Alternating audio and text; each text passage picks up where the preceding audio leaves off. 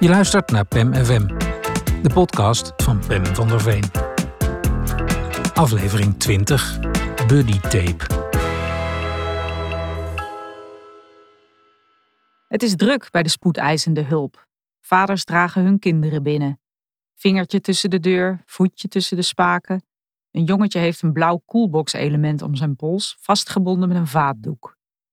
Drie vrouwen met hoofddoek omringen een oude Turkse man, de blik collectief gevestigd op zijn ontblote gezwollen enkel.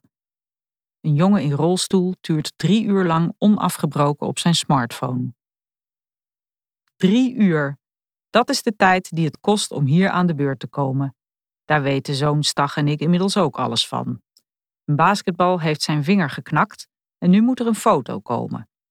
Omdat Stag pas 15 is, drukt een verpleger mij op het hart dat ik erbij moet blijven.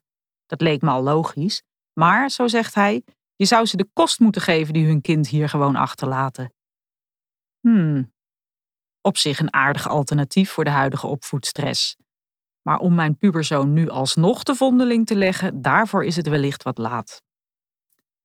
Stag heeft kapot veel pijn en verveelt zich de kenker, zegt hij. Ik haal Red Bull. Ik geef hem een banaan.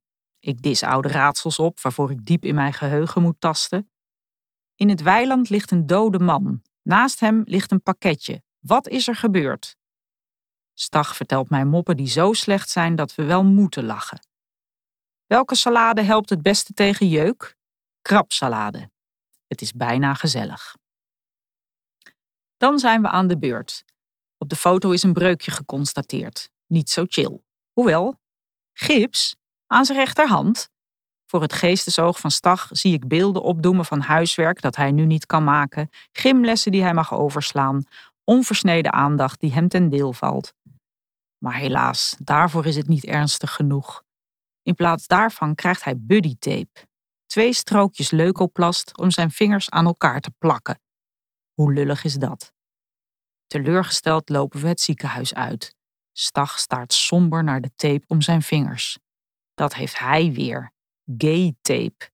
Echt niet relaxed.